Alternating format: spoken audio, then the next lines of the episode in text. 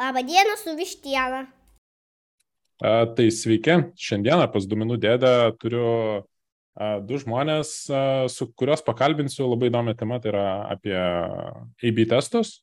Turim Agnę Reklaitę ir Jevgenijį Gamper, teisingai ištariau? Jo, ačiū. a, jo, tai a, šiaip iš tikrųjų tema labai įdomi, greičiausiai gali būti labai ir labai plati ir gili, e, priklausomai kiek e, į detalės mes galėtume lysti, bet aš sakyčiau, susipažinti ir paliesti bendrinės temas būtų labai puikus epizodas. Tai ačiū jūsų kolegams, kurie patagino jūs ir įvėlė į šitą avantūrą. Tai dėkui didelis jiems. Na, o tada ką? Tai prisistatykite, tada papasakokite apie savo patirtis realiai, kaip jūs atėjote iki tų AB testų vieną ar kitą formą. Agne, galbūt tu nori pradėti? Gerai, aš galiu pradėti. Tai a, ačiū, kad pakvietei. A, tai trumpai apie mane, aš esu iš statistikos tėjus, tai a, baigiau VU, tam praėjau kelią iki, iki doktorantūros ir pradžioje dirbau analitinį darbą, paskui atsirado banga data science pasidarė populiarus, tai perėjau tą, o Vinted aš jau esu beveik penkis metus, tai iš tikrųjų pirma mano patirtis su AB testais ir buvo Vinted, aš pakliuvau į produktinę komandą ir mes buvom, tą vadinamą cross-functional komanda ir daug eksperimentų iš tikrųjų darėm, buvom produktyvus, tai ten vat, įgavau tokios praktinės patirties. O, o po kurio laiko, čia gal vasarį, prisijungiau į Experimentation komandą, tai dabar truputį iš kito kampo su Evgeniju dirbam prie Experimentation pačios platformos vystimo ir įgalint kitas komandas daryti gerus eksperimentus. Ok, Tiek vieną klausimą aš tada mm. turiu. Tai kaip smarkiai tos statistikos reikia AB testams? Nu, iš praktikos galiu pasakyti, kad reikia tam, kad galėtum suprasti, jeigu yra kažkas negerai, nes to tokio, kaip čia, sveiko skepticizmo reikia vertinant rezultatus ir statistika tą labai padeda gerai padaryti. Kitas dalykas, reikia iškomunikuoti komandos žmonėms. Kartais būna, kad gauni rezultatus ir ir žmonės e, iškart puola prie išvadų ir reikia truputį pristabdyti arklius, sakyti, pala, pala, čia dar per mažai domenų, dar per anksti taip užtikrintai sakyti, kad čia kažką sugadinam arba kažką pagerinom. E, palaukime, tai toks, e, sakykime, mano darbas buvo taip truputį stabdyti arklius vietomis, bet nėra labai smagus darbas, kartais žinai, entuzijazmo daug, žmonės nori greit judėti, bet Bet jo, statistika yra geras įrankis truputį įdėti, kaip čia, tokio struktūrinio požiūrio ir tvarkingesnio to viso proceso.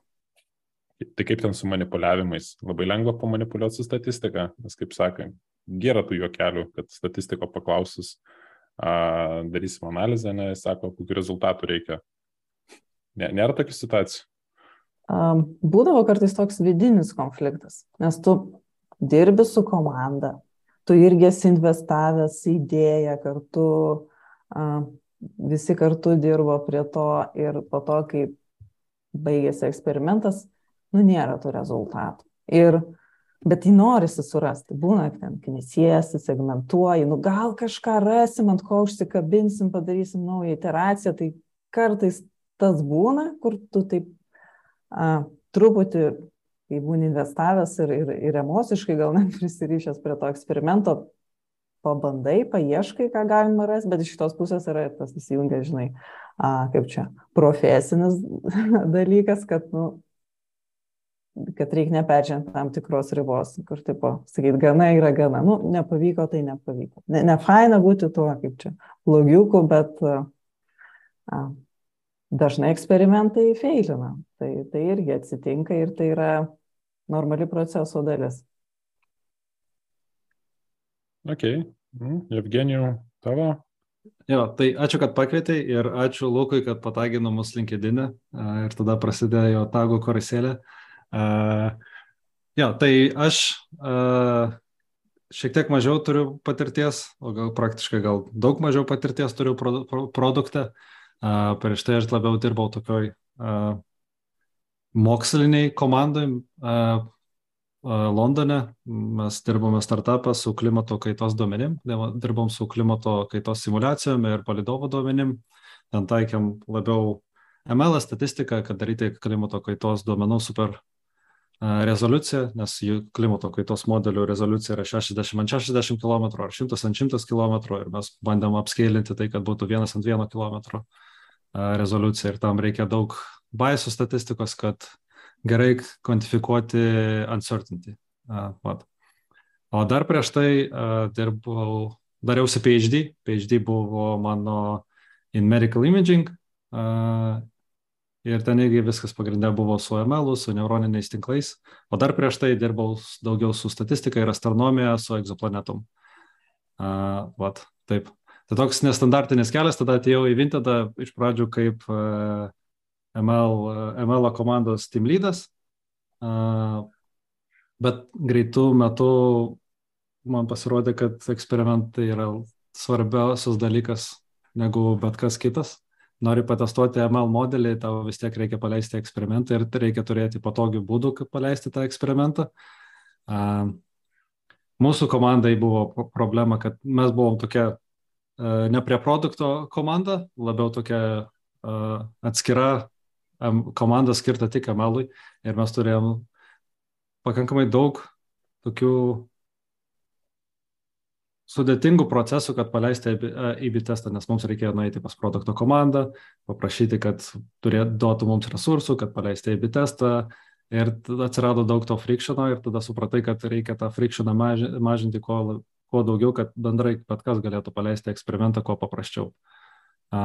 Na ir bendrai tema eksperimentavimo yra labai įdomi, nes mano doktorantūra buvo kompleksinių sistemų departamente, tai yra kaip pritaikyti matematiką kompleksiškom sistemom, o product developmentas ir eksperimentai visos įmonės yra labai kompleksinė sistema ir galvoti apie tą makro eksperimentavimo platformą ir kaip tai paveikia visą įmonę labai įdomu. Tai va, tokia mano istorija. Ok, geras. Nuo egzoplanetų iki šitų. Tai gerai, iš, ML aš tau vieną klausimą tokį turiu, ne? Tai Tai ar visas mūsų problemas išspręs machine learningas? Ne, tikrai ne. Galbūt sukurs tik daugiau problemų. tai uh, Skynetas užims pasaulį, ne? Ne, Skynetas neužims pasaulį, šiaip tų pokalbių, čia yra atskiras pokalbis, bet uh, man atrodo tai, kad žmonės pradeda galvoti apie robotus ir Skynetus nėra labai naudinga, nes jau turim dabar problemų nuo rekomenderių. Facebook'e, Twitter'e, LinkedIn'e, kurie, na, iš tikrųjų, man atrodo, paveikia žmonių psichologiją ir paveikia šalių politiką.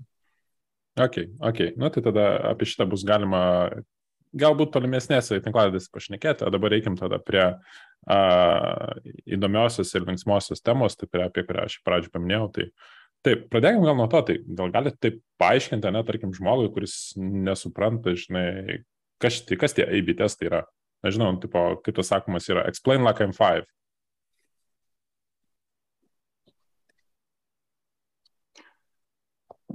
Aš galiu turbūt pabandyti.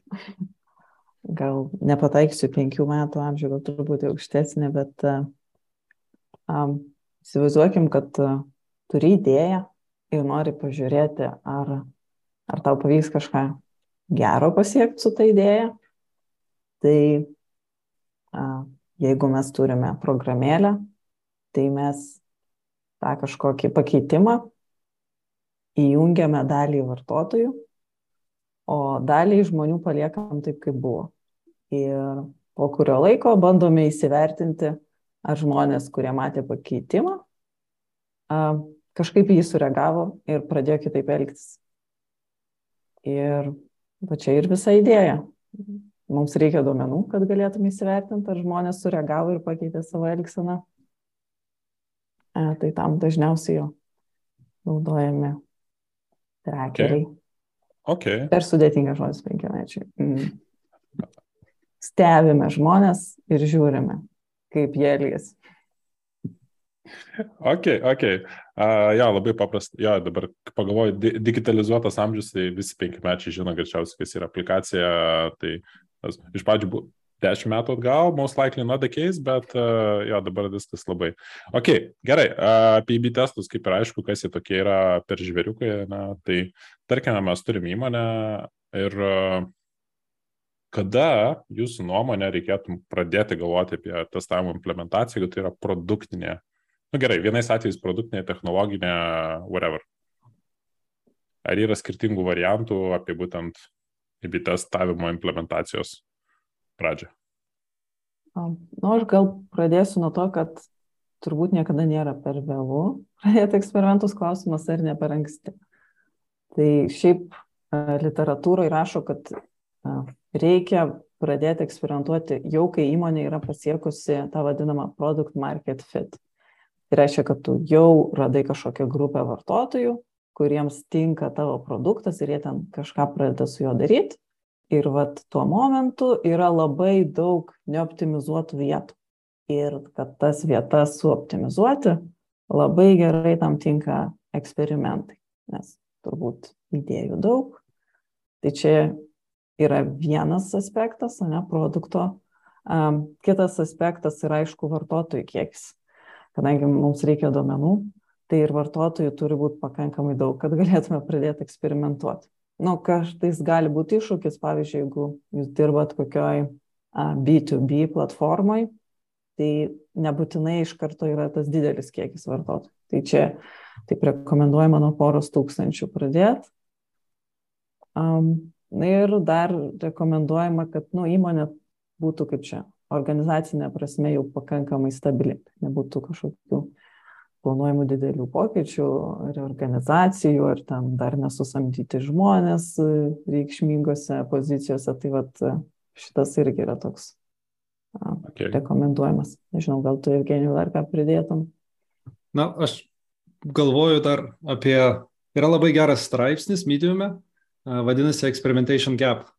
Ir apie ką ten rašo? Ten rašo, kad yra keletą įmonių, kurios yra labai žinomos tech įmonės, kurios pastatė labai sėkmingą experimentation platformą ir sėkmingą experimentation kultūrą įsteigė savo įmonėse. Ir jie yra on the whole another level. Ir tada yra visos kitos įmonės, kur būt, galbūt kažkiek padarė eksperimentų, galbūt paleidžia kažkiek eksperimentų, galbūt šiek tiek mažiau ar daugiau testuoja, bet uh, Yra toks tam tikras kažkoks gepas tarp tų įmonių, kurios pradėjo eksperimentuoti ir jau, kurios jau eksperimentuoja pakankamai daug. Ir tam, kad pasiekti, uždaryti tą gepą, reikia padaryti pakankamai daug namų darbų. Tai pastatyti pakankamai daug tam tikros infrastruktūros, automatizacijos, metrikas sutvarkyti, standartizuoti ir taip toliau. Bet galbūt Sutik, sutiksiu, kad kaip reikia pradėti eksperimentuoti, kai pasiekia product market fit, bet pavyzdžiui, tokius dalykus kaip pradėti standartizuoti ir trekinti metrikas galima pradėti kuo anksčiau, pavyzdžiui. Ir tas tada gera pradžia galbūt tada eksp pradėti eksperimentuoti vėliau. Ok, o tada man toks klausimas apie metrikas. Na, realiai verslai nestoja vietoj, ne, tai kaip tada adaptuotis, jeigu tavo viena metrika na, evoliucionuoja ir pasikeičia. A, kaip tai derinti, pavyzdžiui, AB testo metu? Ne? Ar likti prie tos pačios, uždaryti seną testą, atidaryti naują? Aš kažkaip šoku labiau į edge cases, greičiausiai čia, bet kad jau paminėjai, tai. Mm. Jeigu teisingai suprantu klausimą, situacija yra tokia, kad mes paleidome AB testą, Ir dabar esame vidurėje AB testo ir dabar sugalvojame pakeisti metriką ir naudoti kitą metriką. Mhm. Aha. Tai, na, tikriausiai tokio atveju neturi, norėtume, kad tokio atveju nebūtų, nes e, prieš paleidžiant AB testą mes jau turėtume žinoti, kokias metrikas mes norėsime naudoti tam, kad išmatuotum, kiek buvo geras uh, tas efektas, kurio mes ieškom uh, su tam tikroju AB testu.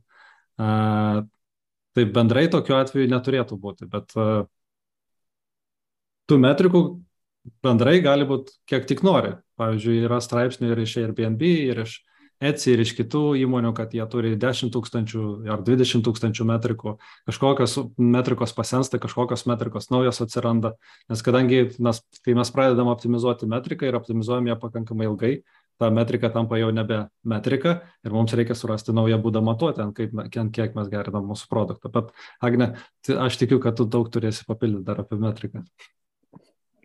Nu, labai iš tikrųjų priklauso dar koks tas pokytis buvo, ar tai buvo susitarimas, kad mes dabar kitaip matuosim, nes jeigu tik susitarimas, tai tu gali paskaičiuoti abiem būdais ir iš to padaryti išvadas eksperimento pabaigoje. Kitas klausimas, jeigu, nežinau, iš techninės pusės kažkas pasikeitė, kad pavyzdžiui, eventai, kurie iššaudavo vienu dažnu, pradėjo kitų dažnumų šaudyti, tai jau šitus dalykus yra sunkiau suvaldyti. Okay. Na, tai išnekam apie metrikas. O kaip tas metrikas tada pasirinkti? Yra ne vienas kriterijus nu, rekomenduojamas, bet papras, principai yra, kad metrika turėtų būti paprastai suprantama. Kad ne, ne tik suprastų ten duomenų žmogus, bet kad suprastų visą komandą, kokia yra prasmė tos metrikos. Tai čia jo, vienas dalykas. Kitas dalykas, nu, kad jinai turi būti pakankamai jautri, kad ją būtų galima pajudinti, darant tam tikrus pokyčius. Ir kad komanda turi tikėti, kad mes turim kažkokius svertus, kad ją pajudinti. Nes jeigu jinai yra, nežinau, pavyzdžiui, kokia būtų bloga metrika, a, įmonės akcijų kaina. Nu, nesąmonė. Ne, paleis eksperimentą, nu, jinai gal pakils, greičiausiai liks ta pati. A, jeigu nėra biržai prekiavimai, jinai per daug abstrakti. Jinai turi būti susijusi su ta dalim, kuri keičiama. Ok, ok. Tai aš tada, žinai, apie papasakai, kad komandai turi būti aiškiai suprantama, ne?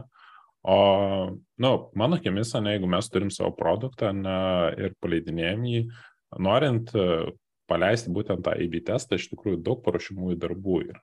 Ir tasme, tai nebus taip, kad mes, žinai, spektais pirštais ir viskas važiuos, ne, reikės developerių darbo.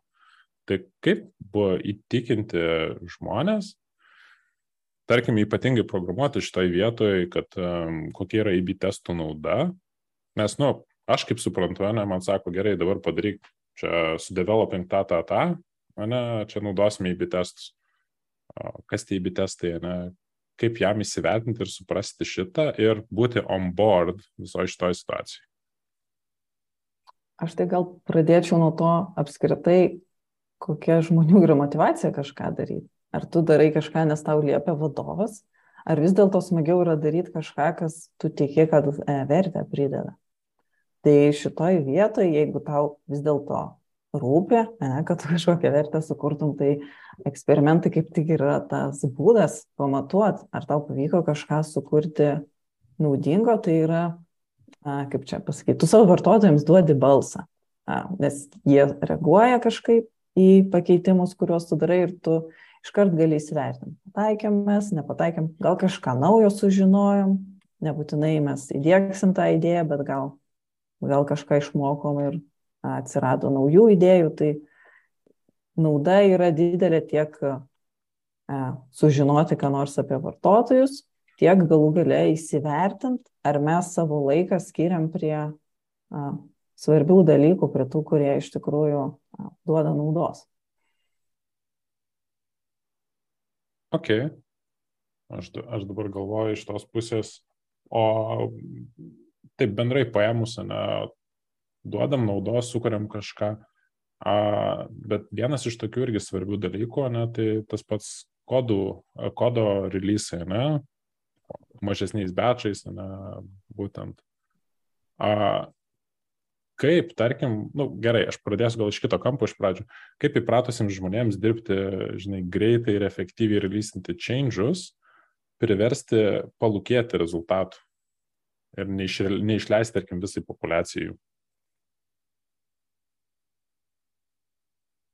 Priversti turbūt negalima. Nu, techniškai, techniškai, žinai, gali sakyti, viskas darome į bitestus, Ir dabar lauks 3 savaitės ir leisim 10 procentų populiacijos, žiūrėsim, nieks nelūšta. Nu, depends, žinai, nuo kompanijos ir nuo approacho. Nu, visai gali būti, ne? Bet iš dalies, kaip Agnė minėjo, ne, tai reikia, ar nori matyti efektą, naudą, ne, tą grįžtamą ryšį iš vartotojo. Bet, nu, iš kitos pusės uh, matyti visą, visą efektą yra viena, negu matyti tik jo fraction. Tai. Aš galiu pasakyti, kad, pavyzdžiui, jeigu tu padarai kažkokį pakeitimą ir tu matai, kad sujudėjo metrika, tu negali būti užtikrintas, kad jinai sujudėjo būtent per to pakeitimo. Gal tavo konkurentai kažką padarė, gal marketingas įsijungia. Yra daug dalykų, kurie gali paveikti metrikas laike. Dėl to šitas būdas a, priskirti pokytį laike būtent prie kažkokio feature yra, m, nėra labai patikimas, vis tiek yra tam tikras neapibrieštumas, o eksperimentai duoda tą patikimą būdą, kad tu žinai, kad vat, tam tikra dalis pokyčio atėjo būtent iš šito pakeitimo. Tai, tai tu kaip ir, a, nežinau, kaip vairuotojas, pilotas, tu iš karto gauni tos signalus, kurioje vietoj tu, tu padarai gerai, kurioje ne, kurioje gal tik vėjas paputė iš kitos pusės, čia ne, ne mes kažką gero padarėm. Tai šitos žinios yra labai vertingos, priimant sprendimus. Ok. O nežinau, tas man, man buvo vienas iš tokių atradimų, kai ruošiausi būtent tinklalai, tai sužinau tos apie AA testingą. A, nežinau, čia egzotika, ne egzotika, kiek dažnai tenka susidurti su tokiais variantais ir kada naudoti ir kas tai yra, gal galėtumėt papasakoti. Bendrai, kad paleisti sėkmingą eksperimentą, reikia daug, sude, pakankamai daug sudedamųjų dalių, kad, kurios veiktų pakankamai sklandžiai vis kartu. Tai pradedant nuo eksperimento konfiguracijos, kurioje vietoje mes norim būtent, kad e, mūsų e, useriai matytų pakeitimą ir e, kaip tas pakeitimas būtų useriams pa, pa, parodomas ir koks iš, iš variantų tų pakeitimų. Tai tam reikia tam tikro paskirsti, paskirstimo useriaus į skirtingas grupės. Tai pavyzdžiui, mes turim du variantus, on ir off. Uh, off yra mūsų, platform, mūsų produktas taip, kaip jisai atrodė prieš tai ir on yra uh, kažkoks naujas pakeitimas. Tai useriai, kurie patenka į on grupę, jie mato tą naują pakeitimą. Tas paskirstimas į tas on ir off grupės turi būti visiškai random. Kitaip, tada statistika nelabai gerai, na, tiesiog neteisingai ir mes negalim turėti, palygi, paly, negalim lyginti on ir off grupės. Ką AA testas leidžia mums padaryti, mums leidžia ta, patikrinti, ant kiek gerai mes paskirstome userius į on ir off grupę. Ar ta, tai yra teisingas paskirstimas ar neteisingas paskirstimas, kai mes paleisim jau tą testą in production live. Ok, tada apie skirstimus į grupės, toks įdomesnis, ne? Aš spėju skirstomą į grupės ne tik tai, kaip, pavyzdžiui, jis daro aplikacijas, gauna priskirtą testą, jeigu yra kažkokie besisukantis. A, bet tam, po tam tikrų veiksmų irgi populiaru priskirti, jeigu jis padarė kažkokius veiksmus, ne, atitiko kažkokią populacijos, tarkim, kriterijų, ant kurios norima paleisti į bitestą. Kaip atsirinkti, kurioje vietoje priskirti jam tą on ar uh, on-off grupę? Nu, šiaip laikoma, kad geriausia yra priskirti toj vietoj, kai a, vartotojas pasiekia a, tą produkto vietą, kurioje ir daromas pakeitimas. Pavyzdžiui, jeigu pakeitimas yra čekaute, tai geriausia toje vietoje ir daryti priskirimą. Nes jeigu tu anksčiau padarysi priskirimą, dalis žmonių nenueis iki čekauto ir gali būti, kad tie, kurie nueis, nebus to lygiai pasiskirsti. Pavyzdžiui, iš kontrolės gal nueis daugiau čekauto negu kad iš eksperimento. Ir praktiškai tai lemia, kad reikia ilgiau laukti kol susirinks duomenis. O jeigu tu padarysi tą a, priskirimą kuo vėliau, nu, vėliausiai kiek dar įmanoma, tai mhm. tada greičiau susirinks duomenis. Ok, tai realiai viskas rutuliosi apie tai, kad tai būtų atsitiktinai ir to lygiai paskirstyta informacija, kad supaprastintų ir greičiau susirinktum reikiamus rezultatus, kad galėtum daryti išvadas. Ok, tada toks tarkim, įdomesnis klausimas, kada žinoti, kiek testas trunka. Ir, nu, tasme, aš asmeniškai šiek tiek susidūręs su tais testais, tai žinau, kad yra labai daug komponentų, ką reikia pasiskaičiuoti, apsibriežti, ne, tai, pavyzdžiui, yra sample sizes, ne visi šitie dalykai, kiek testas turi suktis. Gal galim plačiau šitoj vietoj. Pagal ką rinktis vieną ar kitą, kaip skaičiuoti, kas svarbu, į ką atkreipti dėmesį. Aš jau galiu pradėti. E, tai labai priklauso nuo specifikos eksperimento, ta trukmė. Pavyzdžiui, jeigu tu testuoji tą vietą, kurią pasiekia mažai žmonių, natūralu, kad jis turės ilgiau trukti, nes, nu, ilgiau užtruks, kol tam tikras kiekis žmonių pasieks. Kitas dalykas, kas turi reikšmės, tai yra kokia tavo metrika. Jeigu tavo, pavyzdžiui, jeigu mes įmam konversiją ir konversija yra maža, nu nežinau, tarkim, a, mažiau nei 10 procentų, tai tada reikia daugiau surinkti duomenų, kad mes galėtume užtikrintai pasakyti, kad mes ją pakeitėm. Tai metrika irgi yra labai svarbi. Dar būna a, sezoniškumas, kur irgi lemia.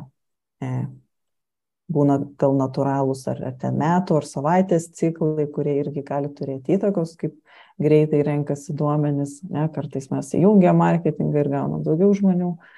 Kartais e, žmonės važiuoja atostogų, mes gaunam maž, mažesnį aktyvumą platformai. Šitie dalykai irgi turi įtakos. Dar priklauso nuo to, kokią tu vietą testuoji.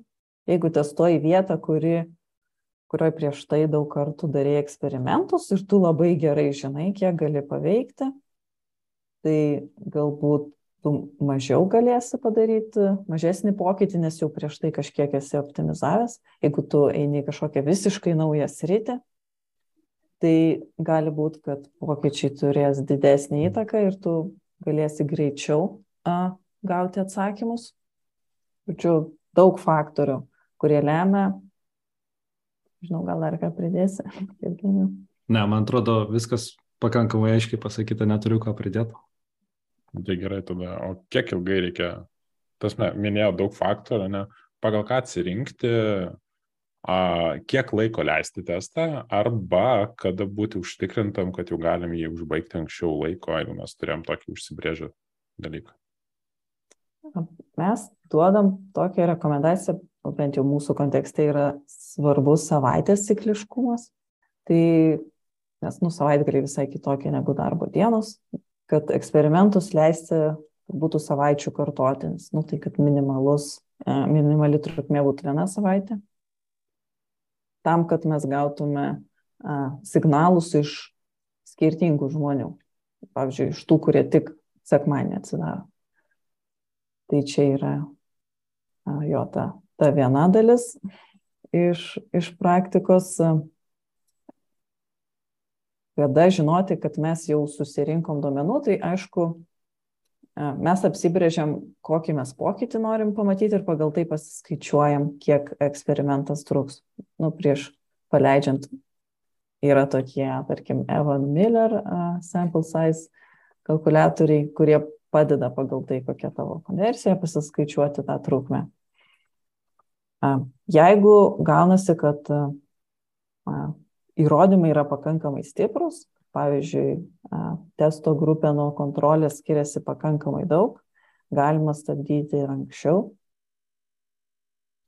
Bet, nežinau, iš praktinės pusės kažkaip mes, man atrodo, visada sulaukdavom tos pabaigos, nes kol laukia, dažniausiai komanda dirba ir prie kitų. Tai gal Matyt, nuo įmonės konteksto priklauso, kiek tu skubi.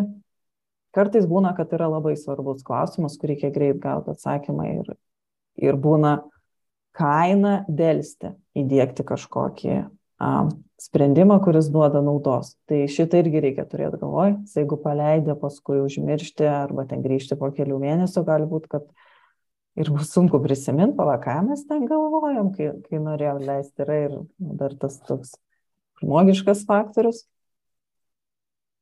Tai gal jo, maždaug.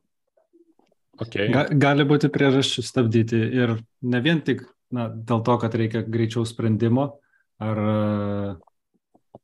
kad per geri rezultatai ir dėl to norim stabdyti, nes jau turim pakankamai uh, duomenų, bet gali būti ir dėl kažkokių blogesnių naujienų. Pavyzdžiui, gali būti, kad uh, svarbios mūsų produktui metrikos pradėjo kristi arba keistis taip, kaip mes nesitikėjom, kad jos keisis.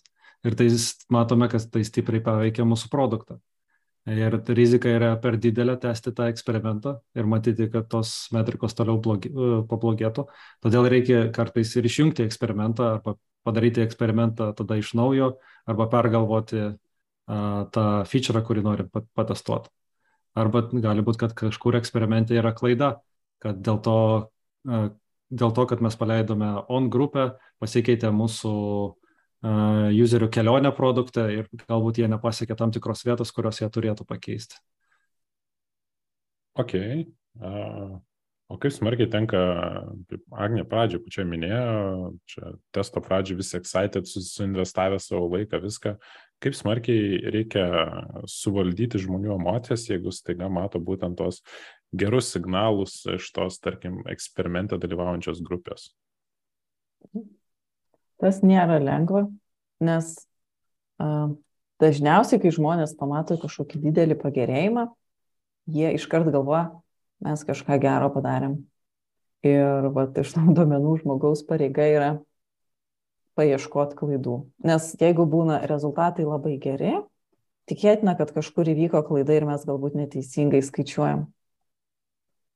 Tai šitoj vietoj, nu, dėja, bet jo, kartais reikia e, gesinti žmonių entuzijazmą ir pasakyti, jo, labai faina, geros naujienos, bet dar, dar neskelbkim, dar nesigirkim, pirmą pasitikrinkim, ar nebuvo klaidų kažkokių eksperimente. Ir jo, praktiškai yra tas vadinamas Stevens law, kur bet koks skaičius, kuris yra labai įdomus, dažniausiai būna klaidingas, tai a, kartais būna ir iš tikrųjų gerų tų rezultatų, bet dažniau jie būna kažkokie su klaida. Tai... Ir bendrai yra įdomių statistikų iš industrijos, kad eksperimentų, kurie yra sėkmingi, kai sakome sėkmingai, turime omeny, kad pagerina labai reikšmingai mūsų metrikas, tų eksperimentų yra nedaug dauguma eksperimentų, kuriuos mes darome, jie arba nepaveikia mūsų metrikos, arba paveikia labai mažai. Taip yra analizės, analizės iš Netflixo, kad 70 procentų jų eksperimentų nieko nepadaro, nepaveikia. Likusie 15 procentų po nepagerina metriko, padaro kažką blogiau ir tik likusie 15 procentų padaro kažką geriau. Uh, mūsų, jų metrikom. Iš Microsofto pa, pa, irgi yra pana, pan, panašių straipsnių, kurie pas, pa, parodo, kad dauguma eksperimentų, kurie jie daro, praktiškai nieko nekeičia, bet labai retai atsiranda eksperimentų, kurie labai pakeičia jų produktą ir parodo, kad kažkas pasidaro daug geriau arba kažkas pasidaro daug blogiau. Aš dar papildyčiau, kad tai yra geras rezultatas, kad tu ne visada pataikai.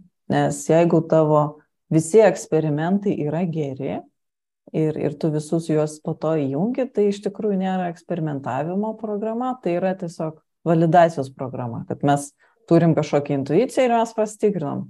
Taip, tai buvo akivaizdu, mes iš tikrųjų tą gavom. Taip, vadinasi, į, kaip čia, komandą nėra pakankamai, nežinau kaip čia, a, rizikos apetitas labai mažas. Tai tie tokie įdomiausi, vertingiausi vis dėlto, kaip čia, learnings, ne, būna mhm. iš galbūt tų nesėkmingų eksperimentų. Tai okay. irgi reikia turėti galvoje, kad nėra blogai, jeigu nepavyksta. Kažkokia dalis turi nepavykti, čia proceso dalis. O tada apie tos nesamės, o tai kaip su tokiais crazy, tarkim, eksperimentais kažkas sugalvoja, žinai, super kažkokį įdomų, Uh, nežinau, jūsų atveju yra tokių pasitaikę variantų, kad kažkas sugalvo kažkokį out of the box super sprendimą arba kažkas pradėjo su labai paprastu ir jį pačelendžino, kažkaip pakreipė pačio testo idėją, ką jis turėtų daryti. Nes vis tiek testavimas, aš kaip suprantu, ne, tai turėtų prasidėti nuo kažkokio spėjimo, kas bus, jeigu padarysim tą. Ne? Kaip turėtų gimti tos tokios, būtent tos beprotiškos arba gerai, tarkim, nuostabios idėjos tų pakeitimų? Kaip manot? Nu, iš mano patirties aš atsimenu, kad turbūt beprotiškiausios buvo idėjos išimam kokį nors feature. Nes dažniausiai būna atvirkščiai, ką nors pridedam, ką nors pridedam, bet jeigu produktas yra jau, tarkim, kažkiek metų brandos, nu, tai tas kompleksity didelis ir a, visokiems inžinieriams iš tikrųjų visai a, rūpi, pavyzdžiui, supaprastinti kodą ir kažką išimti. Tai vad tokie eksperimentai, sakyčiau, būna jo dažniausiai tokios sulaukia stipresnės reakcijos, kur pagalvokit, ar tikrai čia šito reikia, bus daug skundų iš žmonių, kreipsis kažkas į, į suportą, tai bet yra ir pasteisinusių, kur išėmė kažką. Man atrodo, su šitu pavyzdžiu ir pradėjo Lukas Vermeris, kai mes turėjom svečiuose į Lukas Vermeris buvo atsakingas už eksperimentavimą booking.com. Ir jisai pasakoja istoriją, kai jisai pradėjo dirbti su rekomenderiu homepage bookingo. Ir jisai dirbo prie to rekomenderio galbūt pusę metų, o po pusės metų tiesiog pabandė paleisti eksperimentą, kai išima rekomenderį iš vis iš homepage ir paleidžia homepage be rekomenderio. Ir pastebėjo, kad visos metrikos labai pa, pa, pagerėjo, dėl to, kad e, pasidarė tiesiog, na, performance daug geresnis pagrindinio puslapio, nes nereikėjo krauti rekomenderio. E, ir iš to buvo pamoka, kad nereikėjo rekomenderio homepage. O, geras. Tai čia toks realiai e, customer experiences geras, nes tau nieko laukti nereikia, iš karto viską tau rodo. Ok, geras šitą pavyzdžią. Nežinau, super. A, gerai, pakalbėjome šiaip apie detalės, bet iš tikrųjų, nu, ta, tarkim, sultingoji dalis iš tikrųjų yra būtent patys įbi testai, statistika arba logika behind the scenes, tai yra kokie metodai yra, tarkim, populiariausi, kokie yra, tie, tarkim, klasikiniai vadinami yra vieni, kiti yra, tarkim, dabar jau pradedantis aukti bangos, tai nežinau, papasakokit jūs, su kuo susidūrė, kokius naudojate arba esate naudoję.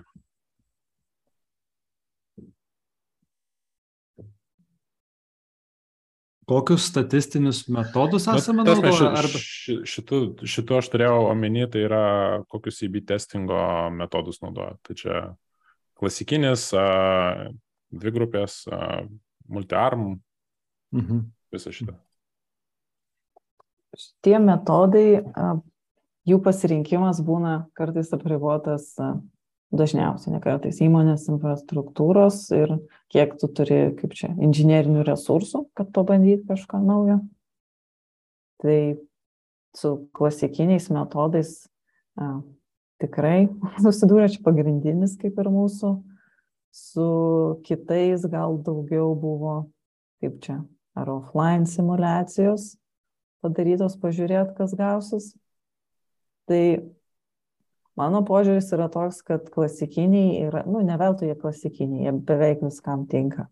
Su kokiais nors multi-armed bandits uh, yra rekomendacijos tam tikriems specifiniams atvejams, kai jie vertingi. Nu, multi-armed bandits, tiem, kas nežino, uh, yra metodas, kai dinamiškai keičiasi userių priskirimas į grupės ir sėkmingiau veikianti grupė, jinai vis auga ir jai priskiriama vis daugiau vartotojų. Tai tokie eksperimentai būna labai geri, jeigu turinys greit sensta. Nu, pavyzdžiui, turi kokią nors naujienų platformą ir tu nežinai, kuris, kuris straipsnis daugiau, kaip čia, dėmesio iš vartotojų sulauks, tai tau sukonverguosi tą optimalų variantą, nes tu neturi laiko laukti rezultatų, analizuoti, tada įjungti, nes pasens turinys, tau reikia, kad automatiškai tas vyktų. Kartais dar būna rekomenduoju juos daryti kaip tik ant labai tokių, kur set up and forget vadinami testai, kur kažką įjungi ir paskui pamiršti ir gali nesirūpinti, nes žinai, kad sukonverguosi gerą variantą, kur tam mėnesiais gali netikrint. Bet jo iš praktinės pusės dažniausiai vis dėlto norisi gauti, kaip čia, pasitikrinti savo hipotezę, gauti vadinamus learnings, nu, kažką sužinoti, išmokti, tai tada kaip ir klasikiniai tie metodai a, labiau pasteisina. Galbūt iš pavyzdžių, kur multi-arm bandits gali, galima naudoti ir kur dažnai, kur dažnai naudojame. Tai pavyzdžiui, kai uh, siunčiame notifications uh, useriams per appsą, tai dažnai ten naudoja multi-arm banditus. Gali turėti daug uh, teksto variantų ir reikia tiesiog išsiaiškinti, kuris, ger, kuris geriausiai paskatina uh, userius padaryti kažkokį tai actioną dėl kurių tu siunti jiems, jiems notification, tai tam naudoja banditus dažnai. Uh, taip pat banditus galima naudoti uh, homepage optimizavimui. Uh, Bookingas tą daro ir Netflixas, kiek žinau, tą daro. Uh, bet su kuo sudėtingesnis yra eksperimentavimo būdas, tuo daugiau statistinių prielaidų tas būdas turi ir tuo sunkiau patenkinti tas, tas statistinės prielaidas, kad iš, įsitikinti, kad iš tikrųjų metodas veikia taip, kaip turi veikti. Ir tai atsirado tada ne vien tik, uh, ne, ir ne vien tik statistikos uh, kažkokie sudėtingumai, bet taip pat ir iš inžinieringo, kad įsitikinti, kad tie būdai iš tikrųjų veikia taip, kaip turi veikti. Ok, O čia šiaip kalbam apie vieną, vieną testą, man tada kyla toks klausimas, o kaip derinti, nu, įmonė, jeigu jinai nori, pavyzdžiui, leisti kelis, ką svarbu atkreipti dėmesį? O, turi galvoj kelis. Kelis testus skirtingus, jo. Taip, iš praktinės pusės dažniausiai, jeigu tu darai juos skirtingose vietose, tai paprastai jie netrukdo vienas kitam nu, pavyzdžiui, jeigu vienas rodo item page, e, kitaip, kitas checkoutą, galbūt neturi jie įtakos.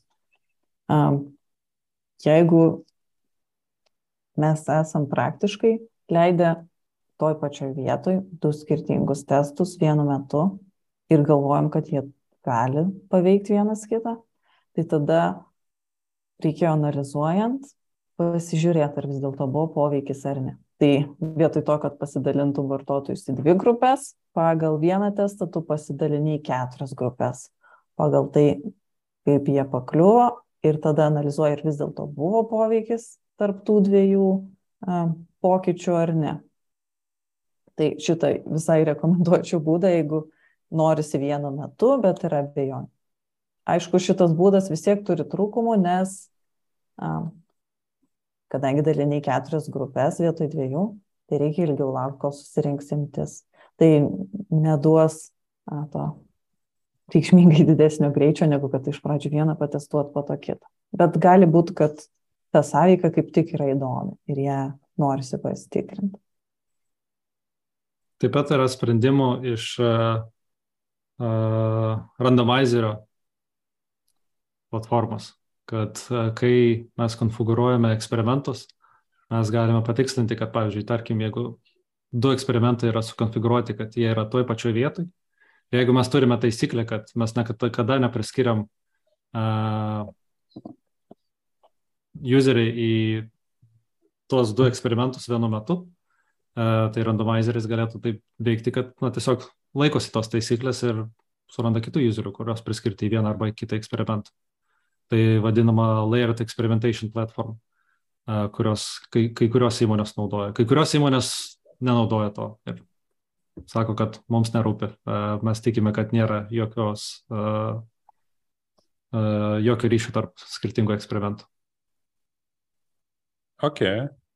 Tai čia, čia tokių įdomių variantų paminėjot, man tada toks klausimas, o jeigu mes turim uh, geriau tada leisti, jeigu turim vat keturis variantus, tiksliau, tris variantus turim, tai yra, ar dabar galvoju, ar du, kai minėjai du testus toj pačioj vietoje, ne, tai spėju, kad bus į vieną, vieno testo tą, tarkim, A grupę pakliuvo visi tokie patys kaip ir kito testo A grupė, ne? Ne, galbūt ką turėjau omeny, kad bendrai. Ai, bendrai. Ne, nedalyvaus viename ar tame, Jeigu dalyvauja vienam eksperimente, tai tikrai nedalyvaus kitame eksperimente. A, tai čia realiai vos ne, tarkim, ABC testas techniškai gautųsi, ne?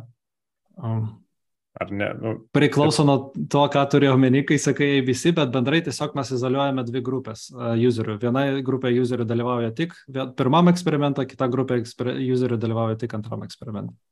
Ok, tai tada apie ABC, kai mes turim kelis variantus ir nežinom, ne, minėjot multiarmą, kur galėtų sukonverguoti viskas į kažkokį geresnį variantą.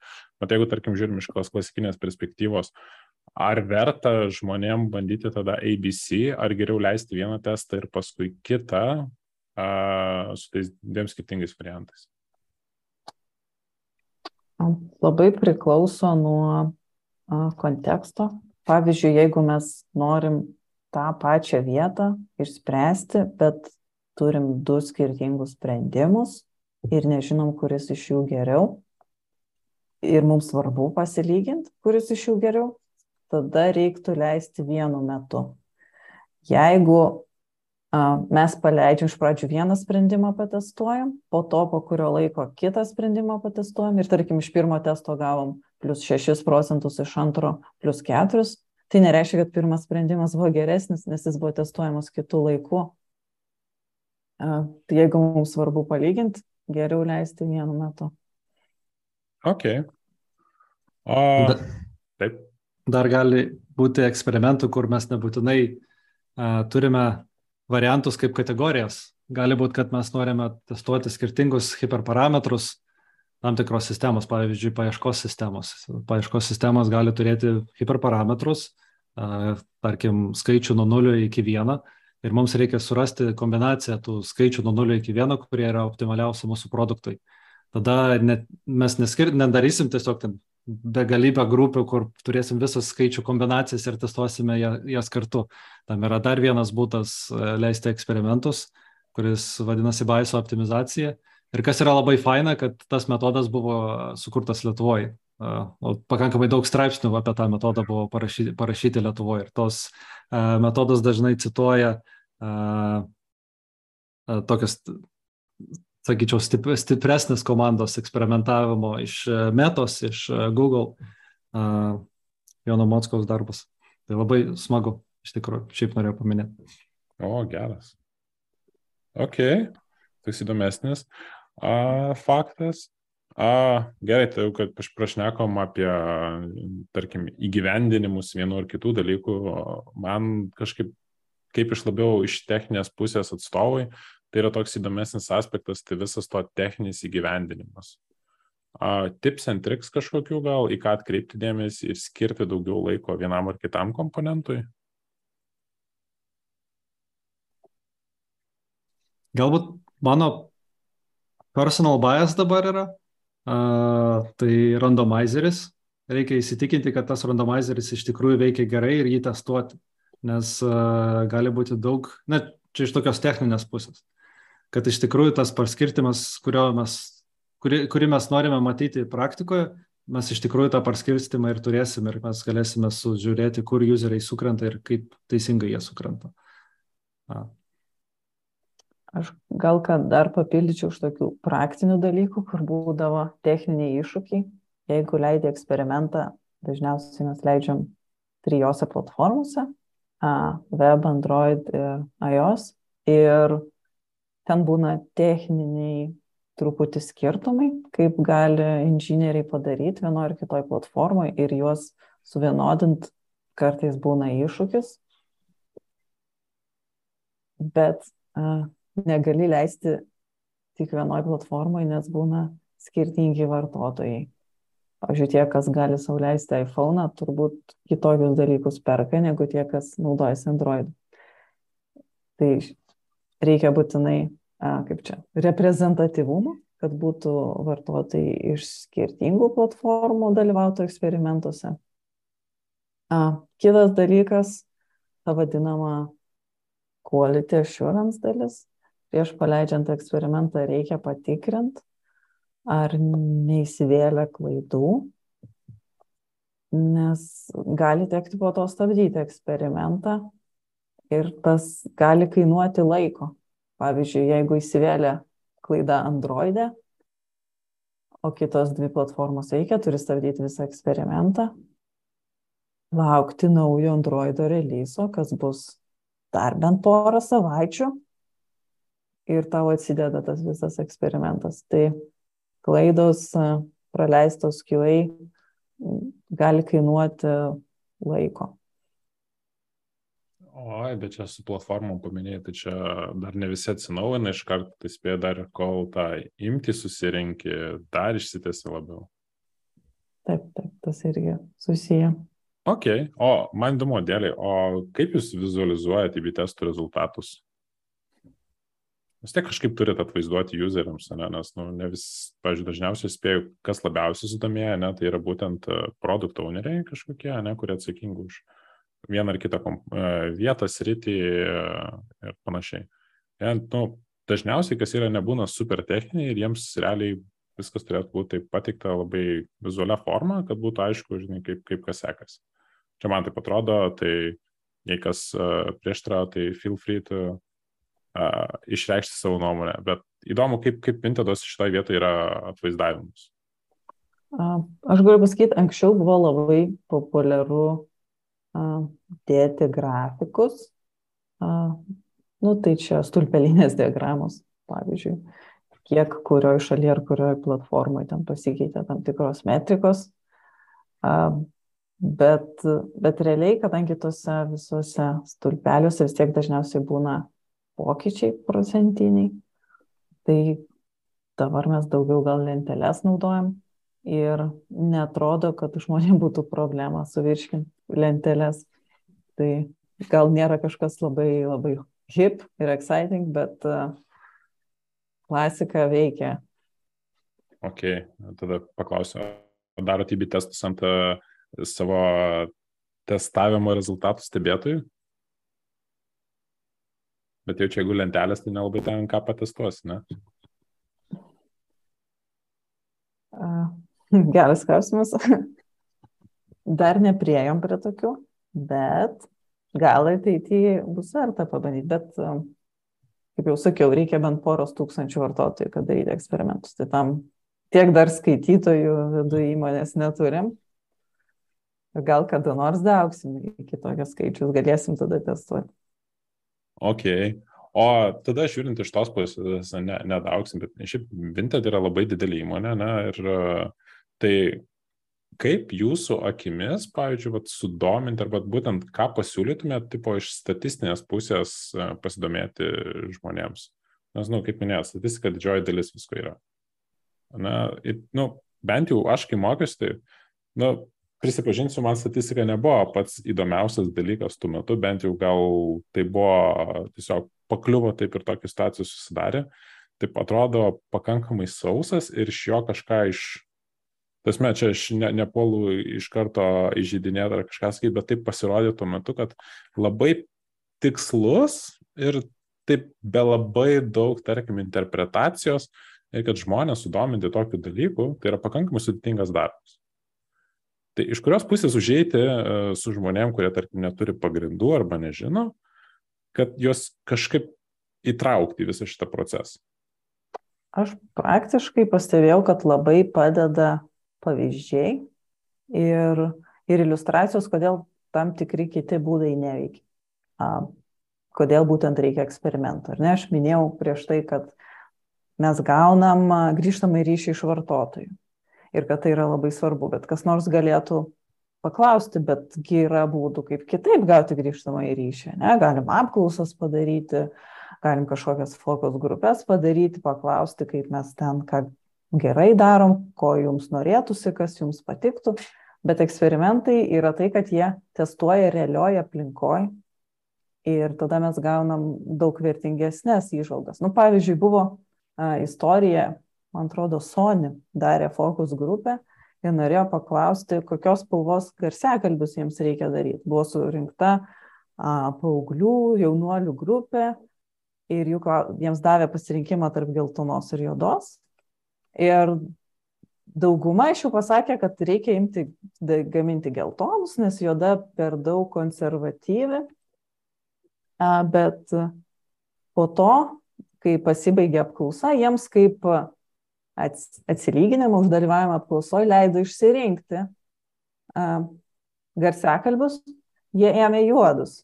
Tai vadinasi, nepatikimas yra toks būdas. Eksperimentai yra daug patikimiau. Ir, nu, ką padarysi, reikia tada galvoti, na, jo, kaip čia, jaukintis tą statistiką. Kartais tie pavyzdžiai būna, nu, tokie, vat, smagus ir, um, kaip čia pasakyti, leidžia suprasti tą kritinio mąstymo poreikį, kad net jeigu žmogus kažko sako, kad nori, nebūtinai tai yra tai, ko jam iš tikrųjų reikia. Ir eksperimentai yra vat, tas būdas, kur mes realistiškoj aplinkoje galim patikrinti, kaip jie reaguoja į tam tikrus pokyčius. Tai tada reikia pradėti, jo, nu, aš tai siūlau gal nuo paprastų skaičiuoklių pradžioj, va, sample size, ar ne, atrodytų, pas mus neturi problemų netgi žmonės, kurie nėra e, statistikos srity išsilavinę, pavyzdžiui, produkt manageriai, jie sugeba atsidaryti ir pasižiūrėti, kokio dydžio a, imties reikia kiek, ir įsivertinti, kiek reiktų laukti, jeigu mes pasirinktume vieną ar kitą tikslo metriką. Ok, ok, nu, turėsiu omeny, į ką atkreipti šitą Sony pavyzdį. Pasiskolinsiu, kaip labai gerą pavyzdį šitoje vietoje. Um, na ir aš manyčiau, aš bent jau savo, man atrodo, klausimus beveik visus, išskyrus vieną, išsėmiau. Tai tas paskutinis realiai tai e, rekomendacijos literatūros, kuri būtų aktuali žmonėms dirbantiems arba planuojantiems dirbti su AB testais, statistika. Kas jūsų nuomonė yra svarbu paskaityti ar verta paskaityti? Turbūt pagrindinė knyga, kurią žinau, tai būtų Roniko Harvey Trustworthy Experimentation knyga. Pats autorius dirbo prieš, prieš tai Amazono eksperimentavimo programai, po to Microsoft'e 14 metų eksperimentavimo komandai, po to su Airbnb dirbo. Ir parašęs knygą kartu su autoriais iš Google, kiek prisimenu, ir ta, kuo gera ta knyga, kad turi pakankamai daug pavyzdžių, kurio, kurie iliustruoja, kodėl eksperimentavimas yra svarbu. Ir tie pavyzdžiai ateina iš tų skirtingų įmonių. Ir paaiškina ir intuiciją, kodėl iš kur atsiranda eksperimentai ir kodėl tai yra vienas naudingiausių būdų surinkti tą informaciją iš userių. Tai čia būtų vienas. O jeigu kažkam norisi surasti daugiau straipsnių, tai mano GitHub repozitoriai yra pilna linkų nes ten sudėliojau vienu metu visus straipsnius, kurias, mokslinius straipsnius, kurie susijęs su eksperimentavimu. Tai straipsnį aš priseksiu prie tinklalaidės, prie, nes straipsnio GitHub'o nuoroda, tai kam bus aktualu, galės pažiūrėti. Agne? Mm.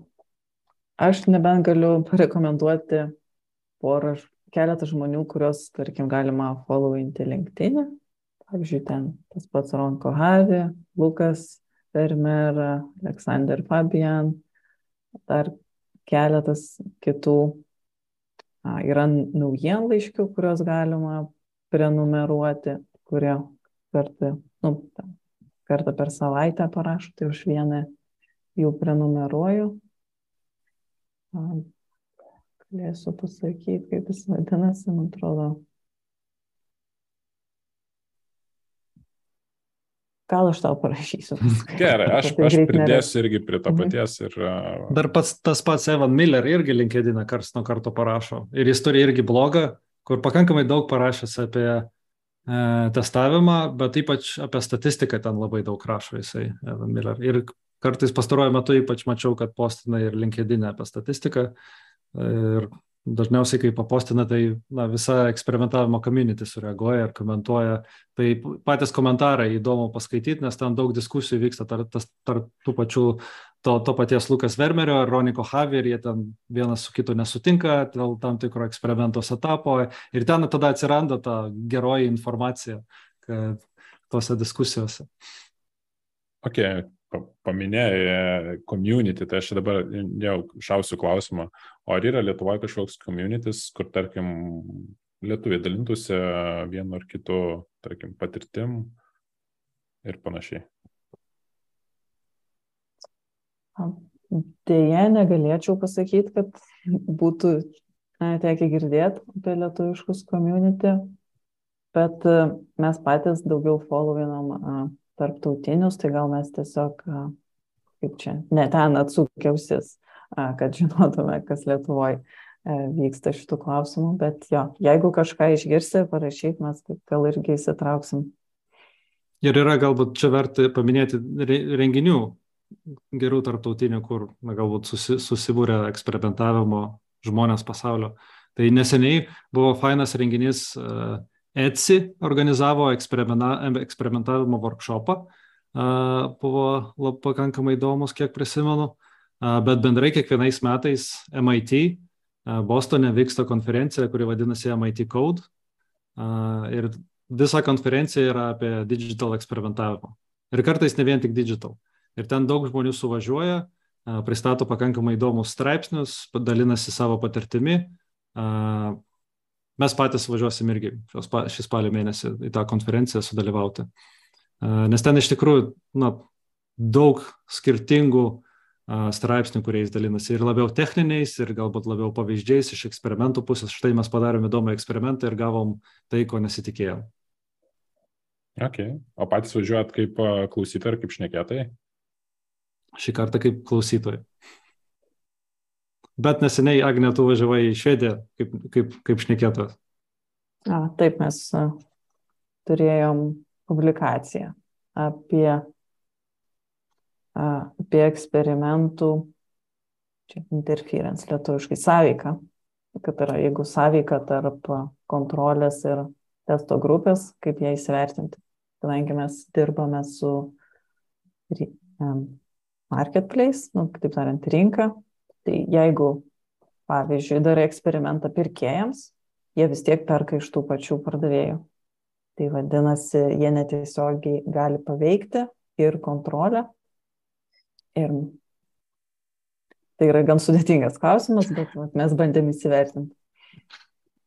Nu, jo, ir galbūt, gal, galbūt kas uh, visai smagu buvo, kad uh, šitų klausimų bendradarbiavom su doktorantė iš Stanfordo bendradarbiavimas, kad, nes jie būtent tuo metu tyrinėjo, kaip spręsti, kaip tu pavadinai, sąveiką, tarp, eks, sąveiką tarp eksperimentų. Jo. Ir jos, pagrindu, jos darbo pagrindu buvom patys paleidę eksperimento tipą, a, bet taip pat ir po to Agne turėjo progą parašyti straipsnį, kaip išmatuoti tai. Bet tai yra dar vis dar neišspręsta problema, nei Vintede, nei tam pačiam, toj pačioj metoj, ar Airbnb, ar Booking'e, Boltas turkriausiai turi tą pačią problemą dėl, dėl sąveikos. Tai pakankamai daug įmonių turi tą problemą, bet tai nėra išspręsta problema, kas yra labai exciting. Geras. Ok, tai Agneta, gal straipsnis pa, pa kažkur iš, išspausdintas, patalpintas? Yra, man atrodo, jis Mhm. paviešintas, tai galėsim jo pasidalinti nuorodą. Super, tai aš irgi priseksiu kartu. Tai dėkui labai jums abiems. Aš tikro įdomių ir naujų dalykų išgirdėjau.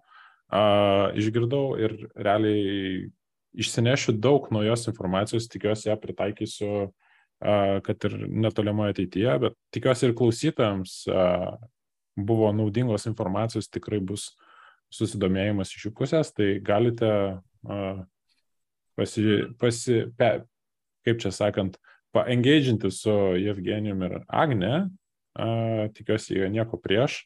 Uh, ir gal, žiūrėkit, atsiras ir, kaip sakant, bendruomenė tuo pačiu. Tai būtų smagu. Dėkui labai. Lauksim. Ačiū. Dėkui. Dėkui. Iki. Iki. Iki.